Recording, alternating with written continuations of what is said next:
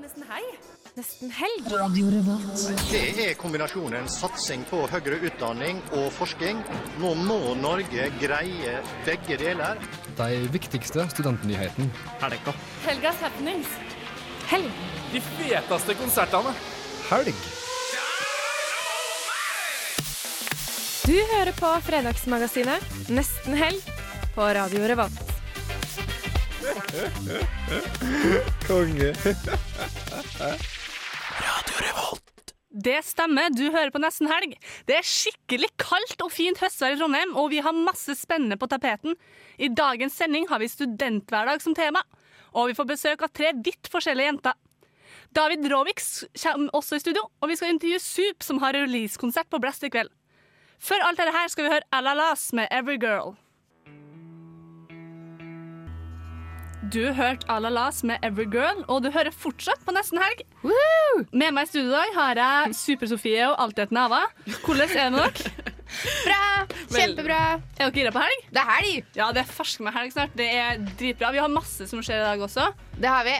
Det blir faktisk eh, kjempebra sending i dag òg. Det var råbra sending sist uke. Så det, altså det er jo egentlig liksom, kan det bli bedre, men eh, det tror jeg det blir. Vi prøver i hvert fall. Vi prøver å toppe sist uke. Ja. Ja. Men uh, Sofie, du fikk jo to på terningen uh, før helga sist helg. Ja, stemmer. Uh, Levde det opp til forventningene, eller? jeg vet ikke, for fredag husker jeg ikke. Uh, og lørdag så Lørdag fra jeg våkna lørdag til jeg gikk på skolen på mandag, så lå jeg bare i senga. Ok, Så det var en toer. det var en, det var en toer. Det var det. Enn du, Ava? Du fikk fem? Ja, det, det kunne vært en femmer, men jeg fikk en sånn hissig forkjølelse som, som dro det ned på en fire, rett og slett. For det å flytte og dra på konsert og ut og spise og med forkjølelse, det er, gjør, er en liten dempe på stemningen, altså. Det er det. Det er hissig forkjølelse også. Det høres ganske kjipt ut. Ja, det var ganske kjedelig. Det var litt feber og noe Ja, det var rennende nese i det hele tatt. Shit, ass. Men uh, jeg fikk jo fem, jeg også. Ja. Uh, Skulle ikke du få Blast? Eh, jeg dro ikke. Jeg bruker ofte å si at jeg skal dra når vi har gjester i studio. Så, nei, altså Jo. Uh, men uh, nei, det fun funka bra den helga, altså. Jeg vil si at det var en Jeg vil heller si fem til fire, Ja. som jeg ofte fikk på videregående Ja. i karakter. Ja. Jeg sånn fikk ofte fire til fem. Så Du fortjener ikke fem, og jeg vil ikke gi deg det, for da blir du høy på pæra. Derfor gir jeg fem til fire. Ja. Ja. Jeg fikk ofte omvendt. Ja. Du Ja, sant. fortjener egentlig femmer, men jeg gir deg fire fordi Ja. Ja. Mm. Ja, ja, drittlærere. Uh, men uh, uka deres uh, ellers, da? Har den vært bra? Eh, ja, for så vidt. Eller jeg har jo pakket, pakket og vasket ut. Eh, det, er, ja, det er for så vidt ikke en bra uke, når jeg tenker etter. Eh, men Men det er jo det. Er det det? Er det bare jeg som liker det, som syns det er kjempemorsomt å flytte? Jeg flytter hele tiden, jeg. Bare sånn at jeg kan pakke og pakke ut og ommøblere og Det å vaske ut av en leilighet, det er kjedelig. Ja. Det er skikkelig kjedelig. Men du, du er jo i Trondheim nå, fast. Ja, Det er jo dritkult. Flyttet dit i dag. Ja. ja. Men det, det er artig å pakke inn på rommet, da. For det er sånn, å, jeg vil gjøre det koselig, og så er det liksom fint i ei uke, og så ser det bare bomba og jævlig ut etter hvert. Ja. Jeg har jo satt alle sakene mine hjemme hos mamma, og jeg tror hun har en liten ryddejobb etter at jeg har bombardert hele leiligheten hennes med ting. Ja. Så men, det får bare være. Ja. ja. du, Sofie? Nei, uka, det jeg, jeg gjør ingen Jeg gjør faktisk ingenting. Jeg har vært på Samfunnet, eh, sett hvordan det blir med uka, oppussing og Ser ålreit ut. Gleder meg til daglighandelen åpner igjen. Eh, annet enn det så har det vært, det har vært mye skole, mye jobb. Det er det samme. Det er ikke noe poeng å spørre meg, for det er det samme svaret som du fikk i fjor. Ja. Det, Hvordan har uka di vært? Helt grei. Uh, jeg har sovet i telt, uh, blant annet. Um, kaldt. eh, hardt. Eh, og så måtte jeg, måtte jeg tisse i sånne her duntøfler utenfor teltet. uh, ikke sånn kjemperomantisk. Og så fikk vi på en måte ikke varma oss altså Jeg og kjæresten fikk ikke varma oss på hverandre heller, liksom. men var det kjærlighetstur? Eller var det Pleie forholdet? Nei. Det var bare for å gjøre noe annet enn å sitte hjemme og se film. Men okay. uh, det var hyggelig. Det var jo en god idé, da. Ja, Det var jo det. Kjempebra idé. Ja. Spiste kjøttkaker på Essens-hytta først. Kjempekoselig.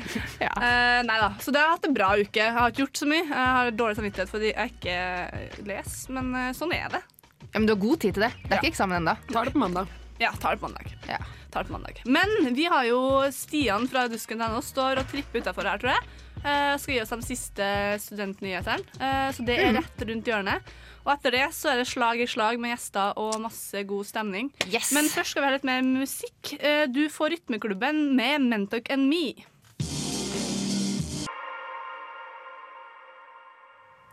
Det var Rytmeklubben og Mentuk and Me. Eh, Det er god stemning i studio, jenter, ikke det? Nå har vi fått med oss en gutt her også. Hei, Stian. Hei, hei. Velkommen. Tusen takk.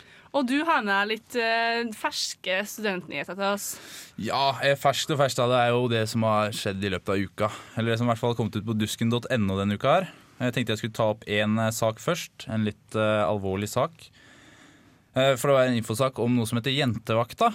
eh, som er et lavterskeltilbud eh, hvor eh, jenter kan komme med henvendelser. Eh, det er gjerne hvis de har behov for å snakke med noen. Og da er det ofte i forbindelse med eh, voldtekter og lignende ting. Da snakker jeg ikke om overfallsvoldtekter, men eh, gjerne voldtekt som skjer i forbindelse med fest, hvor det er mye alkohol inne i bildet. Hvor, det da liksom, hvor man kan begynne å snakke om hvor grensen går, da. Eh, ofte er dette dessverre saker som blir eh, ofte henlagt. Eh, men likevel så De har jo absolutt behov for å prate med noen. Og da er jentevakta et sted som de kan komme og henvende seg til. Mm, men det jo virker som et supert tilbud, da. Eh, ja, uh, absolutt. Uh, men de, de på jentevakta som Dusken prata med nå, de snakka veldig mye om at selvfølgelig hvor viktig det er for jenter da, å sette grenser. Men hvor, hvilke grenser skal man sette? Der jeg sitter og lurer litt på. Hvor lett er det å gjøre, da? Og særlig på fest òg. Så jeg Jeg tenk, tenker På fest så sitter man jo ofte med venner og bekjente også. Så det er jo kanskje det som er vanskelig, å sette ned foten for noen man kjenner eller nettopp blitt kjent med. Ja, for poenget er at eh, de voldtektene er som regel forbundet med de som Altså, det er folk de kjenner veldig godt, da, som har begått disse her, og da gjør det selvfølgelig situasjonen enda vanskeligere. Men det, er jo, og det å vite at man har tilbud om det, er jo utrolig viktig. Eller hva syns dere? Ja, det, men lavterskeltilbud, hva vil det si? Altså det vil si, De har, gjør jo ikke noe juridisk, men det er et eh, Og du kan komme dit uansett hva det gjelder. De er der så du kan snakke med dem. Ja. For det er ikke alltid like lett å gå til venner og bekjente eller familie om det her, hvis det er snakk om en som du kjenner veldig godt. Nei, eh, det er det ikke. Men du har jo også Dixie. Eh, jeg vet ikke, er det, er det noe samarbeid der, eller er det et uavhengig uh, ikke tilbud? som uh, jeg leste ut fra den saken her, men jeg vil jo anta at det er flere som driver med akkurat det. Eh, Røde Kors har jo samme type lignende arbeid. Eh, men det er veldig viktig å opplyse om at det fins forskjellige forum da, som mennesker som har opplevd noe ekkelt, kan gå til. Det virker som at det Beklager. Eh, Det virker som at det er absolutt en ting, et tema som er veldig up and coming og enda mer i fokus på media. Jeg ble invitert til en gruppe på Facebook som heter Trygg bytur. Det er en hashtag, så kan man skrive en Twitter-melding med en hashtag Trygg bytur. Og da går det på at jenter som opplevde ubehagelige ting på byen, eh, vi, og jentene må på en måte backe opp hverandre. da. For eksempel hvis det kommer bort en fyr og klapper på rumpa og sier en sleazy kommentar, så kan man da, vit- vet man da at man har jenter som skjønner hvor man kommer fra og har opplevd det samme. Eh, så det virker som det er veldig mye fokus på det her i det siste. Det er supert. Mm, Ja, absolutt. veldig bra. Men du har med deg en liten eh, sak til. Ja, skal vi kalle det en promoteringssak her, da. Eh, Forbrukeravdelinga, som jeg hører til. Vi har begynt å lage Eller de, skal jeg si, da. Jeg skal ikke ta noe ære for det her. Eh, Det er noen nye videojournalister som vi har fått, som har begynt å lage en serie som de kaller for Sportsfreak. Og episode to den kom ut nå på onsdag, og den handla om amerikansk fotball. Noe jeg syns var veldig gøy, for det har jo vært nå i sommer. Jeg vet ikke om dere fikk med dere det, men vi hadde jo en nordmann over i USA som, ja, som drev og sparka litt ball. Eh, Det gikk nesten. Han eh, fikk ikke noe plass på noe lag. Han var og trente med faktisk to lag. Detroit Lions eh, for det meste, og så var han med på Green Day Packers òg. dessverre så fikk han ikke noe plass, men han imponerte veldig. Og han har jo en YouTube-video, så jeg vet ikke hvor mange millioner som har sett den. Men om dere ikke har sett den, bør dere se den, for den er helt drøy. Utrolig imponerende. Ja, men det er kult. kult, kult. Ja. Men det er en serie som er laga av eh, folk i studentmediene. Ja, det er en forbrukerserie. Eh, og de har testet, I episode én så testa de cheerleading. Det er eh, Magnus, heter han reporteren som går rundt. Han skal da prøve å teste sporter som vi kan kalle for nisjesporter. da. Ikke de mest populære sportene her til, til lands. Så det er, den, det er det den serien kommer til å gå ut på utover den høsten. da. Så jeg håper vi kommer til å se veldig mye morsomt derfra. Jeg rykter om at poledancing kommer. Oi, oi, oi. Det blir spennende. Det må vi få til en reportasje nesten helg på. altså. Ja. Pole dancing tror jeg faktisk kunne vært noe for meg. Ja. Nei, men Stian, du har mer til oss, men først skal vi ha litt mer musikk. Eh, dere får Osk med Agester. The gesture I just made means I love you. Vi hørte Osk med The gesture I just made means I love you. Uh, og det er fortsatt nesten helg dere hører på. Uh, og Stian, du er med oss litt til. Mm. Hva er det du vil ta opp nå? Ja, en kjip sak, da, men som er veldig kjent. Det er jo eh, boutgiftene som vi studenter plages med. Det fortsetter å øke. Og Det er for det ble gjort en undersøkelse på vegne av DNB i forrige uke. Og det viser seg at vi i snitt nå bruker 1000 kroner mer i måneden på boutgifter enn hva vi gjorde på samme tid bare i fjor. Oi, såpass? Ja, det kan du si. Så det er da, altså Dette er over hele landet. da. Eh, Så det er 6000 kroner i snitt hva en student bruker i måneden på boutgifter. Det er ganske mye. Det er ganske drøyt, men jeg tenker at det er ikke vanlig at det stiger med sånn en hundrelapp det året. Det sto ikke noen prediksjoner på hva som var vanlig og hva som var forventa, men uh, Silje Sandmæl fra DNB hun syns i hvert fall det her var uh, veldig mye. Uh, noe jeg sier meg inn i. Og hun sa at dette var jo egentlig ikke holdbart med tanke på at vi får mm, 7000 og noe i måneden fra Lånekassa. Så du kan jo ikke leve på 1200 kroner. Det går Det ikke an. Det, hvis du klarer det, det hadde du Nei, det går ikke. Nei. Jeg, jeg leste en undersøkelse her om dagen som viser at eh, etter at husleie og andre faste utgifter er betalt, så har studenten med stipendet bare 500 kroner igjen resten av måneden. Ja, men tenk på, at Det er jo på en måte treningsstudio, det er telefonregning Ja, det er, telefon, boutgifter, altså gjerne Ja. strøm og vann. da. Ja. Eh, så har du på en måte 500 igjen til mat og buss og alt mulig rart det er jo helt drøyt. som kommer ved siden av. Men er det, er det det private markedet som har skyld? Fordi tenker private personer kan jo ta hvor mye de vil, for studenter mangler jo steder å bo. Ja, altså det du sier der er helt riktig, fordi eh, det som de tok opp er, er eh, at altså selvfølgelig, grunnen til at eh, det koster så mye er fordi det er lite tilgang på boliger. Nå har vi jo fått en eh, ny regjering, eller de går inn snart i hvert fall, og de har lova mellom 2000 til 3000 nye boliger hvert år.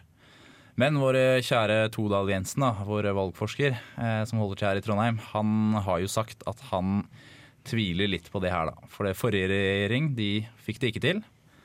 Og han ser vel ikke noe grunn til at eh, den nye regjeringa skal gjøre så veldig mye mer med det her. Fordi vi studenter dessverre er en gruppe som ikke har særlig mye makt og innflytelse, og blir ofte ja, Han ville ikke bruke ordet nedprioritert, men han sa at vi ble ikke prioritert. Men tenker, er ok, De kan gi oss flere studentboliger, men vil de også gi oss mer i uh, stipend? Sofie, kanskje du vet mer om det her? Ja. Uh, ja, uh, det er jo at, at stipendet skal øke i takt med levekostnadene, da. Stipendet Jeg har ikke funnet ut, jeg har prøvd å se hvor mye det har økt de siste si, ti åra. Men det har jeg faktisk ikke funnet, ikke på SSB engang. Uh, men det er det, og så er det å etter hvert innføre elleve måneders studiestøtte. Fordi vi har jo eksamen også i juni, eh, og er da gjerne på, på studiestedet også i juni. Så det blir det òg, fordi mange studenter har jo juni og juli. Og kanskje første halvdel av august før stipendet kommer, som husleia faktisk må betales. Eh, så det blir eh, Jeg eh, tror på endring. Ja, men man må bare håpe og tro at det faktisk skjer, fordi sånn som det er nå, det fungerer ikke. Nei, altså det med, det med studentboliger òg, det er jo at uh, vi har jo hatt en regjering som ikke har vært villig til å drive noe privat samarbeid i det hele tatt. Og det er jo det ny regjering nå åpner for. Uh, og det er derfor vi mener at Oi, vi mener De mener. oi sann! At, at vi har et, et mål som kan nås. Ja, det blir spennende. Ja, Én liten ting. Todal sa bare at vi må gjøre oss synlige hvis vi vil at noe skal skje. Så da er det opp til oss egentlig da, å mase og protestere og bare være tilsynelig. Det er en god start å være synlig i studentmediene. Det er absolutt en god start. Eh, hva skal du i helga, Stian? Jeg, eh, jeg skal spille kamp, innebandykamp i morgen, og så skal jeg på lagfest etterpå. Så jeg håper jo vi vinner, da. For det, ellers så blir det vel en kanskje litt trasig lagfest. Det, det er noe kjipt. Tap og så bare uh. Ja. Dere klarer sikkert å få til god stemning uansett. ja da, jeg tror vi klarer det. Du masse lykke til, og takk for at du kom. Jo, takk Vi for det. skal ha litt mer musikk. Du får Jack Johnson med Radiate.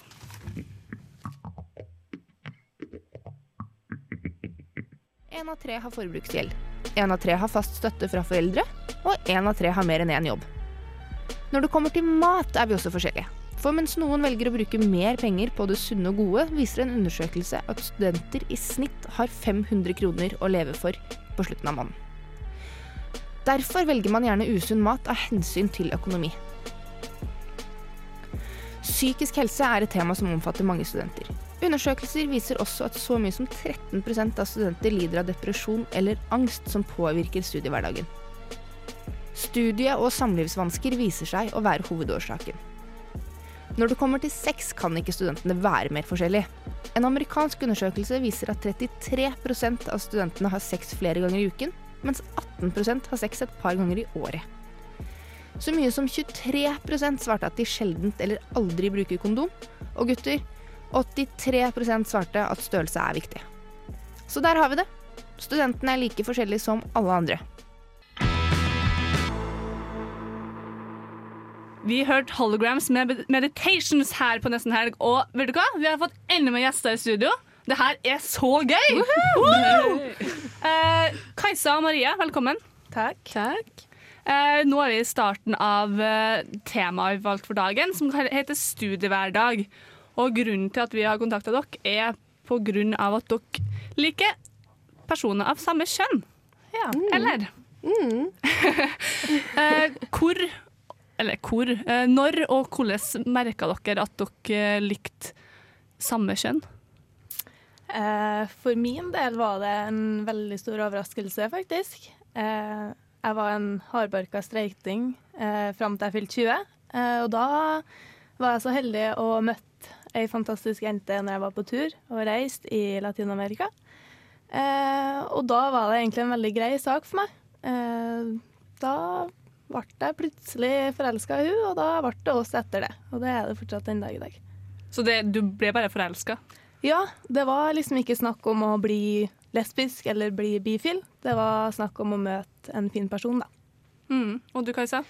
Um, det startet egentlig ganske likt for meg. Um, plutselig så bare uh, holdt jeg på med en jente, og så ble vi sammen. Og så uh, tenkte jeg egentlig ikke så mye rundt det akkurat da.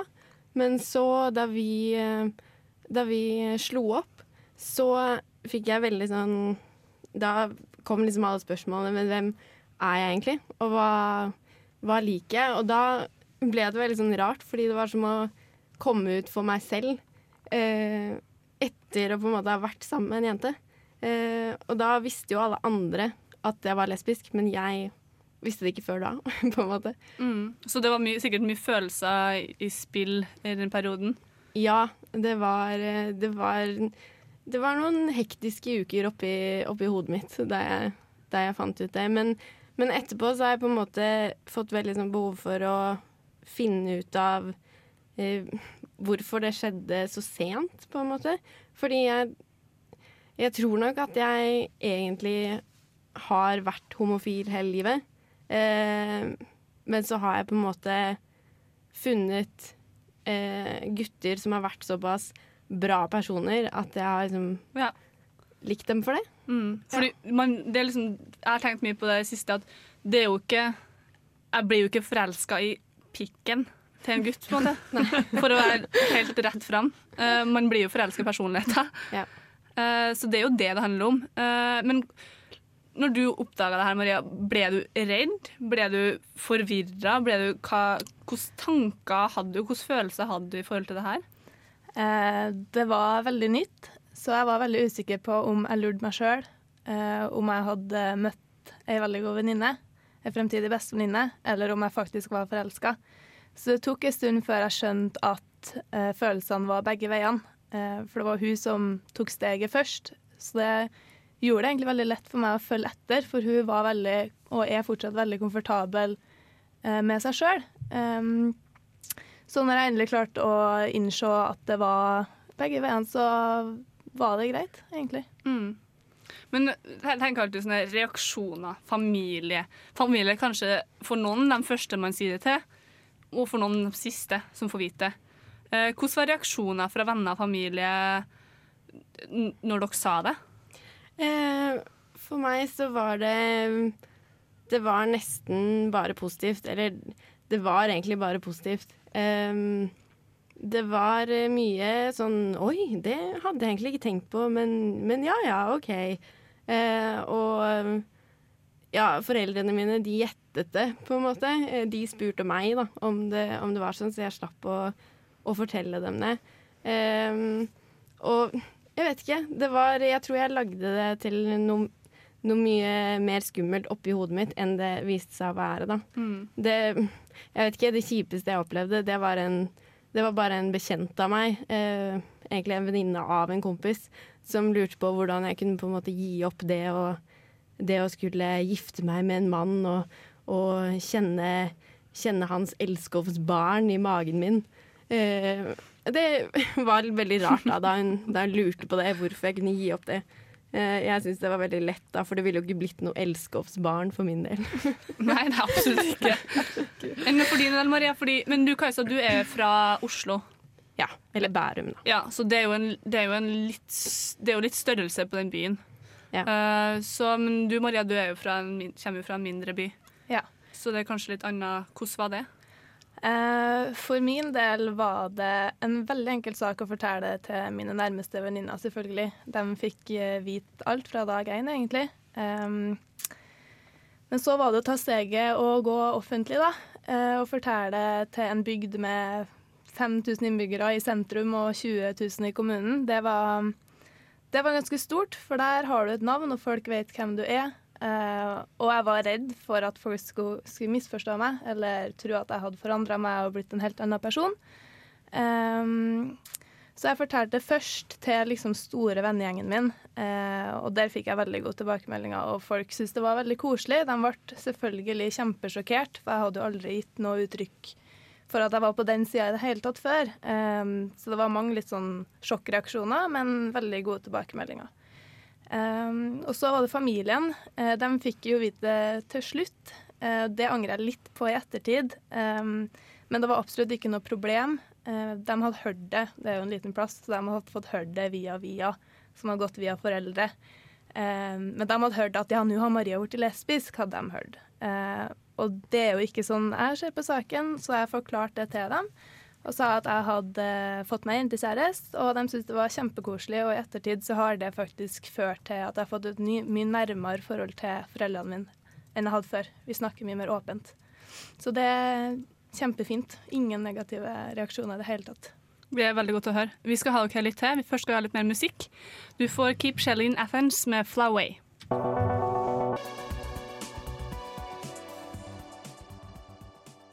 Du hører fortsatt på Nesten Helg, og vi hører nå Keep Shelly in Athens med Flyway. Og vi har fortsatt besøk av Maria og Kajsa. Hallo. Hei. Det går bra? Ja, det går kjempebra. Vi snakka i eh, sju minutter i stad. Eh, Sånn blir det når man har mye interessant å prate om. Eh, Det er litt Det jeg er litt interessert i å vite nå, det er liksom Fordi jeg ser jo på meg sjøl som straight. Eh, Jeg liker gutter. Eh, Men jeg kunne på en måte Det handler om personlighet. Man kan bli forelska i alle. eh, hvis man møter den rette personen. Men hvordan er det for dere eh, når dere ble sammen med ei jente? Så har man ofte kanskje behov for å liksom plassere deg da, som lesbisk eller som straight eller Mm. som bifil. Hva hva er deres tanker rundt det? Um, jeg hadde en litt artig opplevelse der, for jeg fortalte eh, faktisk en av mine nærmeste venninner om, om Sara. At jeg har fått meg jentekjæreste, og da var første reaksjonen hennes Å ja, så du har blitt lesbisk nå, da? På fulltid, liksom. Så jeg, nei, eh, nei, liksom ikke Vil på en måte ikke si det, da. Og så spør jeg ja, men hva er du da, da? Og det var på en måte før jeg hadde drukket og tenkte gjennom det sjøl en gang. Det var liksom ikke noe i tankene mine. Det var liksom ingenting jeg trengte å gjøre for meg sjøl. Men for andre så opplever jeg at det er ganske viktig eh, å plassere folk, og det syns jeg er litt synd. Eh, det skal være noe man kan gjøre sjøl, da. Når man føler for det. Mm. Men du, Kajsa, du har jo en, hadde jo en litt annen tankegang på akkurat det der når du eh, fant ut at du likte jenter. Ja, eller eh, for så vidt ikke så mye annerledes om på en måte andre, da. Men, men det ble veldig viktig for meg å, å sette meg i en bås. Eh, og ha et svar når folk spurte, fordi det var liksom sånn Det føltes ut som at hele livet var litt sånn kaos, og nå må jeg Jeg må i hvert fall liksom finne ut hvem jeg er, da. Eh, og, og ville gjerne jeg, jeg vil jo gjerne bli kalt lesbisk, på en måte. Eh, det er jo det jeg føler at jeg er. Eh, jeg, blir litt sånn Når folk sier 'ja, men du har jo vært sammen med, sammen med gutter før', og, da, og, og liksom at det skal være noe Ja, at det skal spille noen rolle for hva jeg er nå. Det, det er det som er litt kjipt, da. At jeg på en måte ja, hele tiden må forklare det. At, eh, at men nå har jeg funnet ut hva jeg er. Hvordan er det i møte med Fordi eh, veldig mange har et, en tanke om at lesbiske ser sånn her ut. Lesbiske kler seg sånn, og lesbiske er veldig sånn. Enten Hvis i et forhold så skal det være en som er mann, og, eller en mannlige, liksom. Men ingen av dere ser den stereotypiske lesbiske personen ut. Absolutt ikke. Men har folk tanker og meninger om det her i møte med dere? Eh, ja, der òg har jeg hatt en artig reaksjon en gang. For jeg ser ut som jeg alltid har gjort. Uh, men jeg klippa av meg 20 cm av håret, så det går rett over skuldrene etter jeg kom hjem fra tur. For da var det tørt og slitt. Jeg ville ha en ny frisyre. Uh, og da skulle jeg møte en av mine beste kompiser som Jeg har snakka litt med han om Sara, og jeg tror han syns det er ganske kult da, at jeg faktisk går for det. Og første reaksjonen når han ser at jeg klipper meg, det er Neimen, har du fått deg bifilsveis nå, ja? Var på tide, ja. Og da Hva skal en gjøre? Man må bare flire, da. Det er jo Ja, ja. Jeg kan ta den, på en måte. Ja, men Det er kjemperart. Har du hatt noen møter med folk som har de reaksjonene der, eller er det Eh, ja, jeg har for så vidt det. Jeg har jo fått den derre Ja, du kunne, jo, du kunne jo sett litt mer lesbisk ut. Eh, har jeg fått, eksempel. Og eh, til og med på et eh, lesbisk utested, da, så, så har jeg fått sånn spørsmål om Ja, men, men er du lesbisk? Fordi, fordi at jeg kanskje ikke ser sånn ut, da. Og det, det syns jeg Jeg syns det er veldig jeg syns det er litt kjipt, da, fordi jeg liker, jeg liker jentete klær, jeg liker kjoler, og jeg liker å ha langt hår. Men da antar på en måte folk at jeg liker gutter. Eh, og det skjønner jeg også litt, fordi at det er liksom skummelt å anta noe annet. Uh, jeg har jo spurt folk når de har vært på dealeren med noen, så har jeg spurt om er det med en gutt eller en jente. Og da blir de veldig sånn paffe. Liksom, Hæ? Kan du tro at jeg er homo, liksom? Men for meg så er det, så er det jo nesten omvendt. Jeg, jeg er liksom lei av at folk antar at jeg liker gutter. Jeg må hele tiden fortelle, hele tiden komme ut da, når jeg treffer nye folk. Eh, så nå har jeg kjøpt meg sånn lite armbånd med sånn regnbuefarger. For å liksom vise da at eh, yo, lik jente. jenter. Så bra. Men eh, vi håper at uh, framtida kan være at det er like naturlig å være eh, lik samme kjønn som eh, motsatt kjønn. Og vi håper mulighetene for eh, giftermål og barn er like stor som for eh, heterofile. Eh, synet på homofile er i forandring. Det håper jeg, og det tror jeg. Så man må bare ha trua på at uh, mennesker er gode. for å være litt dyp med fredags ettermiddag. Tusen takk for at dere kom. Eh, det var skikkelig hyggelig å ha dere med. Eh, ha en fin helg. Takk. Takk. Vi skal ha mer musikk. Vi får Elvis Castello og The Roots med 'Wake Me Up'.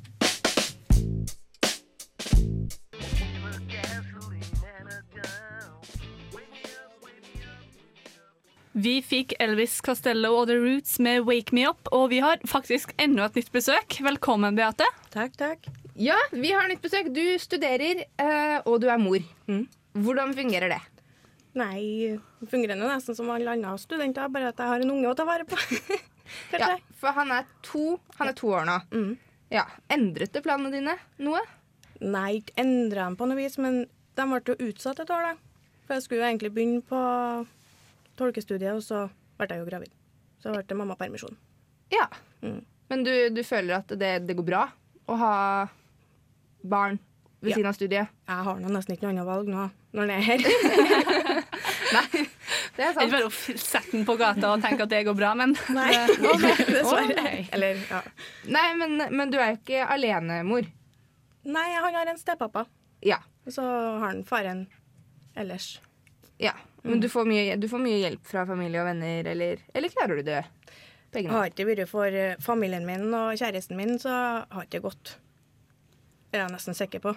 For de støtter opp meg og hjelper meg og tar imot mange klagende samtaler. Gjør de. Ja. Nei, fordi vi har jo også Når du er student, så har du jo um, uh, du, Altså, du har innleveringer, du har eksamen, du har, Det er jo ikke bare tiden på skolen som, som går til skolearbeid. Nei, det er et, eller kveldene da, etter at Kasper har lagt seg. Da setter jeg meg til. Ja. Og det blir det, lange, blir det lange kvelder. Ja, det blir det. Noen ganger så kan det bli både tolv og ett. Og så er det opp klokka Seks. seks, vet du. Jeg klager på at jeg legger meg klokka halv to og må opp klokka sju. Så det, det er helt frivillig. Eh, men jeg tenker, det er jo, mye alene, det er jo mye alenemødre. Uh, spesielt sånn TV og unge mødre. Og uh, de kla Folk klarer det, altså, de må. Men eh, hvordan, hvordan ser en typisk uke ut for deg? Nei, det er nå å stå opp om morgenen, ordne meg sjøl først, og så vekker jeg gutten. Så kjører jeg han til barnehagen, drar på skolen. Drar og henter han i barnehagen, lager middag. Dulletid. Og så legger han seg, og så er det repeat.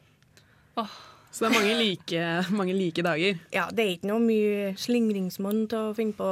Det er ikke mye spontanitet i hverdagen. Sosiallivet har utgått, for å si det sånn. Men du er veldig heldig som har en kjæreste som eh, hjelper deg også. Ja. Men hvordan, hvordan takla du det når eh, du fant ut at du var gravid? Var det planlagt, eller var det Tja, hva skal man si?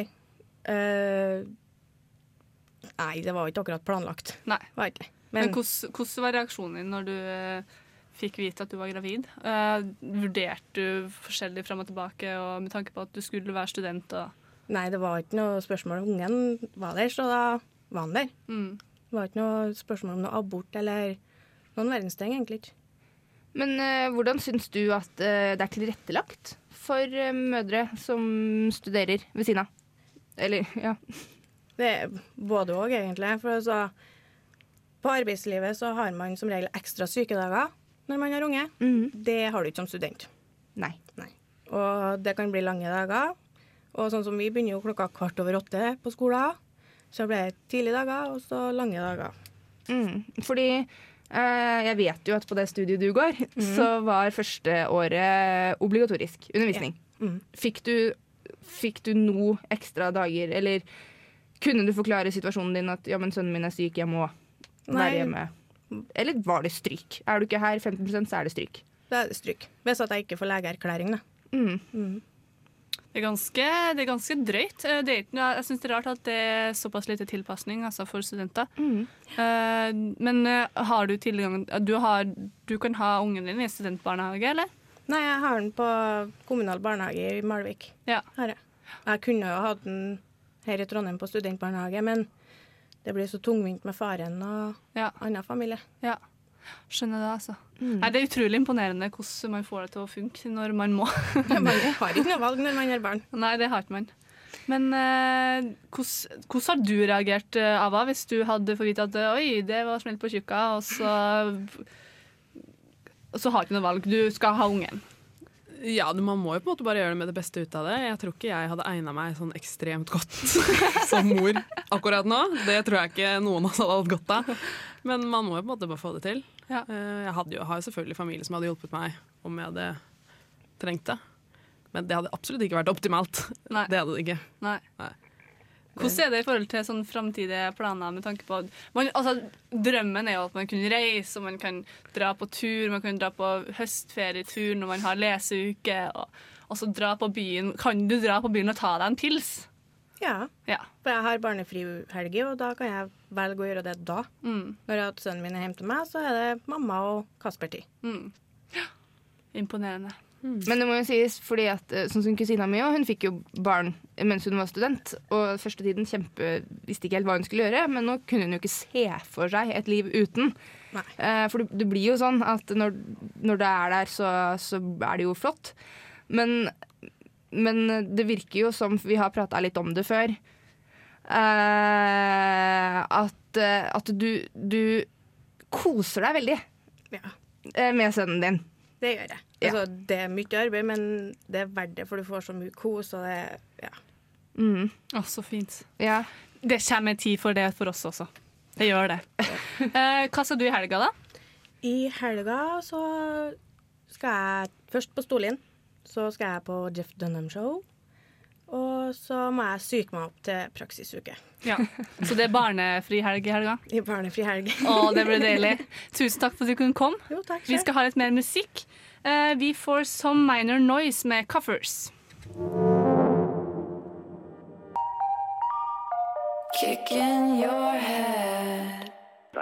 Hei, nå har vi med oss det trondheimsbaserte bandet Sub. Uh, hei, Ellen. Hallo, hallo. Det, dere spilte inn deres første album i 2005, har gitt ut albumene Come On Pioneers og Children of the ELB, turnert Norge flere ganger, opptatt under P Stereo, Storås og Steinkjerfestivalen og under årets Bylarm. Og i kveld har dere releasekonsert på Blast. Ja, det stemmer. Eh, For de som ikke vet så mye om dere, kan ikke du fortelle litt om bandet?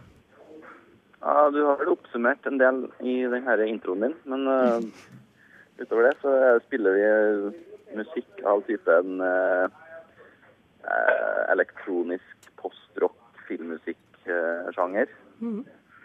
Eh, sånn, vi er på lydprøve her nå, så det er litt lyd. Ja, vi eh, har holdt på siden 2005, og så eh, utover det så er det ikke så mye å snakke om sånn sett. Nei, Hvordan startet bandet? Eh, det starta som et soloprosjekt, og så har det utvikla seg til å bli et bandprosjekt fra 2008 og utover. Men dere har jo også nettopp eh, fått nye bandmedlemmer. Hvem er det? Ja, i- for et par år siden nå, da, Mm. så ble det en ny besetning. med Tre Grom-gutter fra Trondheim. Mm. Ørjan Langnes, Thomas Nyborg og Jan Tore Megård. Som eh, steppa inn og ble det nye mannskapet for et par år siden. Riktig. Og dere er altså aktuelle med, med ny skive. Ja, i dag. Ja. Dato i dag. Kan ikke du fortelle litt om den? Uh, jo, den uh, Det er ei plate vi har jobba med i uh, ganske lang tid. Um, The Beauty of Our Youth heter albumet. Uh, og det er et um, ja, et uh, storslått verk med orkester og med all slags perkusjon og ja, i det hele tatt. Men også et ganske nedstrippa uh, album. Så den er en ganske dynamisk og, og variert plate. Ja, og når, når er det man kan komme på konserten i kveld? Eh, vi har eh, startet sending klokka ti. Mm. Og eh, da er det to supportband, og så går vi på scenen klokka ja, 11. Senest 11. Så fra klokken ti kan man komme på Blast og se Mhm. elektronikabandet eh, Sup. Ja, eller et, et elektronikaband, nei. Vi, Det er ikke vi, har, elektronisk? vi har elektroniske elementer, Ok. tidvis. Men uh, det har gått fra å være et ganske elektronisk band til å bli et veldig eh, analogt band, egentlig. Med elektroniske innslag. Men det høres eh, bra ut. Da kan man dra, hvis man vil dra og se Sup, så kan man dra på Blast i kveld klokken ti. Ja, absolutt. Må eh, være ute i god tid eller forhåndsbestille billetter. For det begynner å bli ganske bra med, med folk som skal komme. Folk som har kjøpt billetter og sånne ting. Så Ja, da er det bare å skynde seg. Det er å løpe og kjøpe billetter hvis man skal få det med seg. kan være lurt å komme i god tid i hvert fall. Ja. Mm. Det er kjempefint. Yes. Men eh, tusen takk for at eh, du vil prate med oss. Og så får du ha lykke Ja, til i kveld. Ja, right. Takk for det. Snakkes vi. Ha det bra. Ha det. Ja. Dere fikk Arctic Monkeys med Arabe Annabella, og vi har nok en eh, gjest i studio. Welcome, David. Thank you. So, who are you? Who am I? Well, let's see. I'm a human being, and uh, I grew up around New York City, and I'm a musician, and I uh, travel around and play music for a living. So you grew up in, in New York or the suburbs of New in York? In the suburbs. Yeah, I was born in New York City, and then uh, then uh, then we moved to the to Yeah. the suburbs. Did, did that affect your music style in any way? I think so. I mean, it affected my my uh, my brain in a big way. I don't know about the music, but uh, but definitely uh, growing up uh, in in a in a very alienated environment uh, was was very uh, yeah had a, had a big impact. You know, I mean, the suburbs is a it's a terrible place to grow up. Really, anywhere in the world, but especially in the U.S. Yeah. Uh, so your songs they're very uh, critical uh, to to the Republican Party and, and also Bush. It, they're critical to the whole establishment, you know, capitalism and imperialism, which is very much a Republican and a Democratic thing. They both support spending half of our taxes on the military and bombing on the Muslim countries. You know, this is a bipartisan consensus. Yeah. So, so you're a very political person. Uh, yeah, I would say so. I mean, yeah, I, but I think most people are. Yeah. I mean, I, so I don't think I'm exceptional in that way. No, but but is that uh, your main reason to make music to get the message out there, or, or It's a big one, yeah, because I think, um, I mean, music has always been something where people are telling a story through a song, and that's that's the, that's what music is, you know, really, and uh, and so um, so I think you, you can tell stories in a really powerful way with music, and uh, and whether whether those stories are about politics or history or love or anything, you know, it's a great way to tell a story that, that can really affect people. Uh, what kind of music have, has influenced you? Um, definitely uh, the the sort of folk tradition from a lot of countries, and uh, also rock and roll and punk rock and hip hop, uh, all, all and all sorts of other things. And I grew up playing classical music, so it's uh, my parents are both classical musicians. Uh, you once said, "Feel free to download these songs. Use them for whatever purpose. Send them to friends. Burn them. Copy them. Play them on the radio, on the internet, wherever." Music is the commons. Ignore the corporate music industry shills who tell you otherwise. Yeah. Yeah. Do you still stand for that? Oh, absolutely. Yeah. And and also I think I mean basically there's two main principles behind that. There's like the sort of ethical thing of like you know what's original and who who says that anyone has the right to copyright and patent all this stuff you know uh, you know we're all playing music that was we're all playing instruments that were invented a long time ago, using languages that were invented a long time ago, chord progressions that mostly came from Africa a long time ago. You know, it's uh, so the idea of claiming this is original and it's mine is problematic, uh, I think.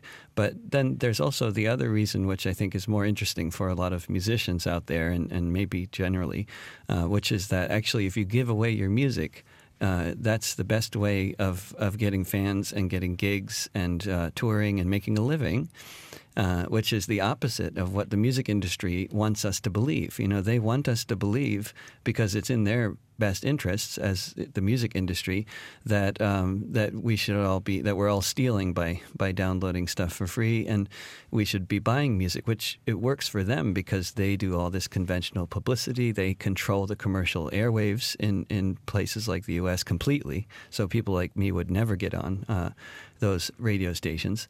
And so uh, for them free downloading is a problem. But for the other 99.9% of working musicians in the world free downloading is the best thing that's happened since since ever really. I mean for us, conventional media has usually been a bad thing, you know, and it, especially in the U.S. Like, you know, the, when when the you know when they started corporations started radio stations, this has always been a bad thing for for working musicians. Uh, and then the more concentrated the media got, the worse this was for most musicians. We will have you uh, after this mu- uh, song we are playing now. So you will play for us live -hmm. in the studio. Sure That's going to be so beautiful. I love when people can play in the studio. Yeah. Uh, first we're gonna have some music. Uh, vi skal få Torgny med Grønn Ekstra. Du hørte Torgny med Grønn Ekstra her i nesten helg, og vi har fortsatt besøk. Yeah. Welcome back, David. Thank you. You're gonna play live for us. Sure thing. What, what are we gonna be hearing? Oh, it's a, a song I wrote to alienate, alienate all my friends, basically. What's it called? I'm a better anarchist than you. Sounds great. I don't drive a car because they run on gas, but if I did, it'd run on biomass. I ride a bike or sometimes a skateboard. So fuck off, all you drivers and your yuppie hordes sitting all day in the traffic queues. I'm a better anarchist than you. I don't eat meat. I just live on moldy chives or the donuts that I found in last week's dumpster dives. Look at you people in that restaurant. I think you are so sad when you could have been eating bagels like the ones that I just had. I think it is a shame all the bourgeois things you do. I'm a better anarchist than you. I don't wear leather and I like my clothes in black. And I made a really cool hammock from a moldy coffee sack. I like to hop on freight trains. I think that is so cool. It's so much funner doing this than being stuck in school. I can't believe you're wearing those brand new shiny shoes. I'm a better anarchist than you. I don't have sex, sequel because heterosexual relationships are inherently unequal. I'll just keep on moshing to anti flag and crass until there are no differences in gender, race, or class. All you brainwashed breeders, you just haven't got a clue. I'm a better anarchist than you. I don't believe in leaders. I think consensus is the key. I don't believe in stupid notions like representative democracy. Whether or not it works, I know it is the case that only direct action can save the human race. So when I see you in your voting booth, then I know it's true. I'm a better anarchist than you. I am not a pacifist. I like throwing bricks, and when the cops have caught me and I've taken a few licks, I always feel lucky if I get a bloody nose because I feel so militant and everybody knows. By the time the riot is all through, I'm a better anarchist than you. I'm a better anarchist than you.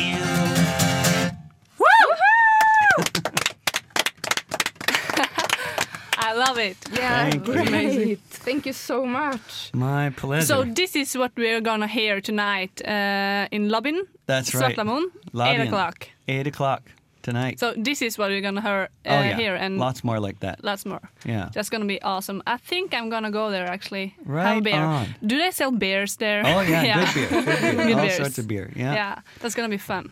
Yeah, really good. Uh, so lots of good luck tonight. Thank you.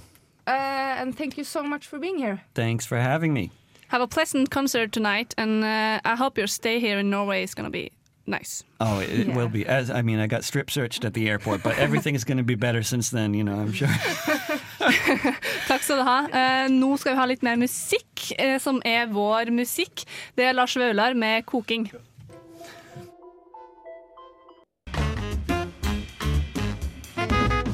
Ukas nostalgiske. Ja, ukas nostalgiske. Og hva har vi valgt ut i dag, Sofie? Vi har valgt ut Sum 41 med Still Waiting. Det er, eh, det er eh, Jeg ble litt overraska når jeg hørte at eh, noen ikke hadde hørt den før. For jeg trodde alle hørte på den for noen år siden, når vi satt på rommet og drømma oss vekk, rett og slett. Ja, som jeg sa, jeg hørte den her Jeg stjal CD-en av storebroren min, og så hadde vi en sånn der svær CD-spiller. Jeg viser med armene nå, den var ca. én meter og veide et tonn. Pappa måtte alltid bære den rundt i huset hvis jeg skulle flytte den. Eh, så det, det Mine minner til sangen her, det var den jeg akkurat hadde begynt å få kjønnshår. Uh, så, altså da venta på å bli ungdom. Uh, da hørte jeg på Sum 41. Jeg tror kanskje vokalisten i Sum 41 var min første forelskelse. Jeg var så forelska. Derek. Helt, Derek var det. Jeg har glemt navnet hans, faktisk, men nå eh, fikk jeg det. Men det var min eh, første crush. Åh. Men du, Ada, du har ikke hørt det? Jo da, jeg har hørt den. Eh, Men eh, som 41 var, var ikke et band jeg hadde noe forhold til. Jeg var liksom litt på den der 2000-tallspunken og Blink-182 og sånn, men akkurat Sum 41 hadde ikke jeg noe sånn kjempeforhold til. eh. Jeg hører at jeg har hørt den, men jeg, jeg Ingen minner? Ingen, eh, ikke noe ikke noe forhold til det, nei. Men vi har jo også fått enda mer besøk i studio. Stine, Ja, hei. du skal jo gi oss konsertkalender etterpå. Men eh, har du noen minner til den sangen her, du? Eh, nei, jeg er litt enig med Ava, fordi jeg, også, jeg tror jeg har hørt den, men hvor aner ikke. For det var noe også sånn Ja, var nok mer på Blink 182, eller ja. Egentlig. Ja, men det, jeg har- jeg har minner av det òg. Men nei, jeg, jeg har liksom trodde egentlig kanskje at de to bandene var ganske typ det samme, da. Samme Ja, er ikke han det? Jo, ikke sant? Det går litt i surr. Litt i miksen. Så ja, nei. Men jeg gleder meg til å Jeg får skikkelig sånn der Jeg får helgastemning av den sangen. Jeg gjør det, men det, det, er, det er kanskje litt flaut å innrømme, men noen ganger hvis jeg har hatt en skikkelig tøff dag, så setter jeg bare Søvn Sum 41 på som spilleliste. Og sånn der We're All To Blame og Over My Head og Fat på alle de der, så hører jeg på de. Og så står du i senga og liksom bare «Åh!» Danser sånn halvfebrilsk. Jeg danser ikke, jeg synger, men den stemmen jeg har. Men jeg er bare spent på å få høre den. Jeg. Eh, Da kjører vi på Sum 41 med Still Waiting. So am I still waiting? Sum 40, 41 eh, med Still Waiting eh, her i nesten helg. Eh, Det var ukas nostalgiske. Eh, Og vi har med oss Stine, som skal gi oss konsertkalender. Ja, tilbake til nåtiden. Eh, ja, denne helgen. Det er altså 27. til 29. september. Vi begynner med fredag 27. yeah! Bra. Um, ja. Start på Blest. Der er det releasekonsert i kveld med Trondheimsbandet Sup. Det tror jeg kan bli dritfett. Det faktisk. tror vi òg, for vi intervjua dem på telefon i stad. Gjorde dere det? Han var virka Åh. veldig gira. Så bra. Fordi, ja, dette er et band som har holdt på ganske lenge, men nå slipper de Eller den nye skiva blir faktisk sluppet i dag. Eh, så det, det er stas. Jeg tror det kommer til å bli mye mennesker og knallbra konsert. Begynner klokka 22, eller det er i hvert fall konsertstarten. Inngang er 90 kroner for medlemmer, 130 hvis du ikke er medlem. Og ja, det er vel egentlig ikke mye mer å si om SUP. Jeg kan nevne at det er sjanger er postrock, elektronikk, ja. Veldig kult. Veldig kult. Så verdt å få med seg. Um, det er ikke så veldig mye som skjer sånn generelt i helgen. Uh, derfor har jeg valgt med å ta med det som skjer på Brukbar og Supa i helgen, selv om det ikke er uh, helt sånn 100% konsert. Men det skal være klubb uh, i kveld. Eh, og det er P3-folk fra eh, Urørt og Mixei på litt forskjellig som skal DJ-e. På Supa så er det Skjør i skjørt, heter konse- konseptet. Eh, fra klokka 23. Koster 50 kroner å komme inn. Og de har i flere år lagd fest på klubber både i Trondheim og Bergen og i Oslo, og spilte også bl.a. på Slottsfjell i sommer. Eh, så ja, tror det kan bli veldig god stemning, og de lover at det skal bli veldig mye glemte hits, svevende elektronika og heit R&B. Det, det er folkene som står eh, er bak skjøre Skjør i skjørt, er jo også vært med i eh, Radio Revolt, faktisk. Ja, det Samtlige. sant. Det sant. Eh, og de er veldig flinke. Mhm. Eh, det tror jeg blir dødskult. De eh, er awesome. Yes. Det er da nede på Supa, og oppe på Brukbar så står det også en fyr fra P3. Jeg vet ikke om han har vært med i Radio Revolt. Jørgen Hegstad.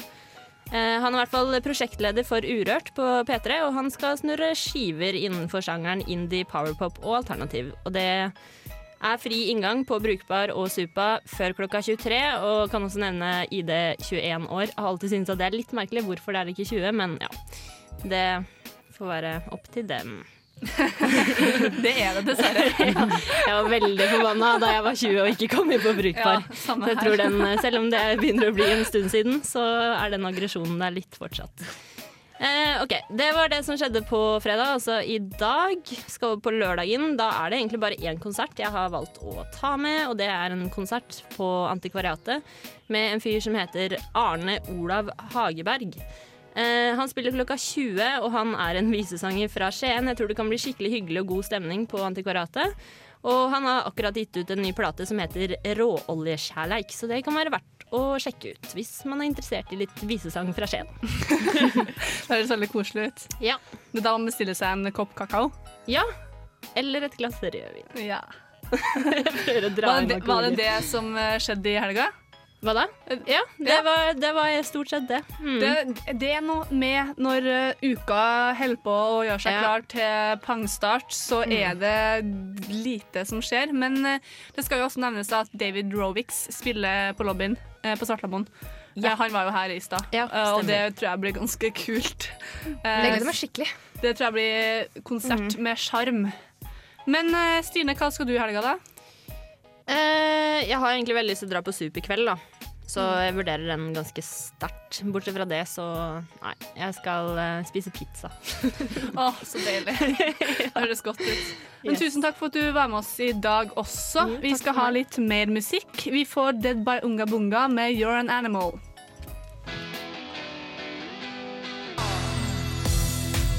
Helgas partylåt. Det er helgas partylåt. Jeg er spent på hva jeg har valgt ut, men eh, det er M83, Midnight City. Har dere noe for forhold til den sangen? Jeg har veldig lite forhold til hele bandet. Men uh, ei venninne av meg sverger til det. Eh, og skal sette det på hele tiden, så jeg har sikkert hørt det før. Eh, men jeg gleder meg veldig til å høre. Ja, jeg elsker den sangen. Det er, skik det er en helgefølelse. Det, Ja. Jeg syns den er helt fantastisk. Ja, jeg kjente på det i stad når jeg hørte litt eh, på diverse musikk fra arkivet vårt. Eh, Det er en eh, upbeat sang, eller ikke upbeat, med sånn der whoop, whoop. Gladsang, Ja, det er rett og en slett. skikkelig gladsang. Skikkelig som du setter på i starten av et vorspiel. For å få en sånn der fin, calm eh, setting. eh, for å liksom at, få alle på vorset til å føle OK, vi er velkommen. Det her blir en bra kveld. da satte jeg på låten. Du er veldig glad i den låta, du, tror jeg. Ganske glad i den låta. Uh, skal vi bare kjøre på, eller? Ja, ja. Syns det. Vi får en 83 med Midnight City.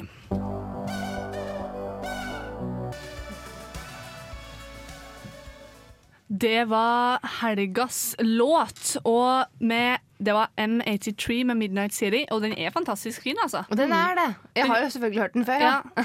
Det, er en, det er ikke en partylåt, men det er en helgelåt. Ja, jeg vil egentlig si at det er en partylåt. Kom nå kom partystemninga i studio. Nå er vi bare å dra hjem og sprette ølen. Eh, så hva skal du i helga, Sofie? Eh, I dag så tenkte jeg at jeg skulle eh, dra og sjekke ut eh, han David. Og så skal jeg jo på jobb, da jeg skal jobbe hver natt i hele helgen, selvfølgelig. I morgen så blir det middag med fruen, regner jeg med. Som hver dag. Eh, så det blir middag og film, tenker jeg. Men du nevnte i stad at du skal gå en lang romantisk eh, tur på ladestien med deg sjøl. Ja, av og til så må man gjøre det. Sette inn noe kul musikk, og så går du og bare Bli kjent med deg selv. Ja, tenker du hvor flott du er som et vesen i dette samfunnet. Du blir så filosofisk når du er sånn. Ja, men Bla, du bla, gjør bla. det. Hva skal du i helga? Jeg har egentlig ingen store planer. Tenkte nå, ble veldig gira på å sjekke ut David i kveld. Eh, så utover det så skal jeg jo pakke ut. Og da mitt største mareritt, dra på Ikea på en eh, lørdags ettermiddag. Gjør du det frivillig? Jeg har ikke noe seng. Så jeg har, jeg tror ikke jeg har noe valg, med mindre jeg har lyst til å sove på gulvet. Men det frister. Du kan jo finne noen på Svartelamoen som du kan sove i senga til i natt. da. Det er også en mulighet. Eh, og jeg vurderer det sterkt framfor skrikende unger og kjøttboller på Ikea i morgen. Det, det er absolutt et alternativ. Faktisk. Ja.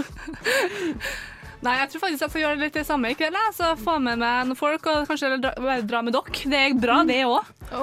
På Yes. David på lobbyen klokka åtte i kveld. Eh, og så i morgen skal jeg på prøvejobbing til ny jobb. Eh, jeg sier ikke hvor, for i tilfelle det går dårlig, så vil ikke jeg snakke mer om det. Um, og så på Jeg tipper det blir en tur ut i morgen. Ja. Det er det syns lørdag. Ja. Eh, og jeg har som sagt ikke jobb ennå, så jeg må bare nyte de helgene jeg ikke har jobb. Um, Ja, ikke sant? For plutselig så har du det ikke lenger. og på søndag så skal jeg i fireårsdag til tanteungen min. Det blir veldig hyggelig. Uh, Med en halvdøl døl, halvdøv eh, bestemor ganger to og familie. Det blir veldig koselig. Uh, Men vi skal også rulle terning, jenta. Det blir spennende. Jeg tror jeg får eh, fem i dag også. Jeg tror jeg, blir sånn, jeg tror jeg blir sånn midt på treet helg. At det skjer noe gøy, og så er det jo det med Ikea, da. Som trekker ganske greit ned. Så jeg tror sånn midt på treet. Helt OK. Ja. Jeg tror kanskje jeg får en firer, for jeg føler at noe kommer til å skje den helgen her som gjør den litt bedre. Jeg Ja, vet ikke bedre enn sist helg. Du fikk to. Og du Ja. sa det var en toer. Og det var en toer. Ja. Nei, men skal vi kjøre på med litt musikk, og så skal vi komme tilbake til terningene. Vi får Invader Ace med High On Life her i nesten helg.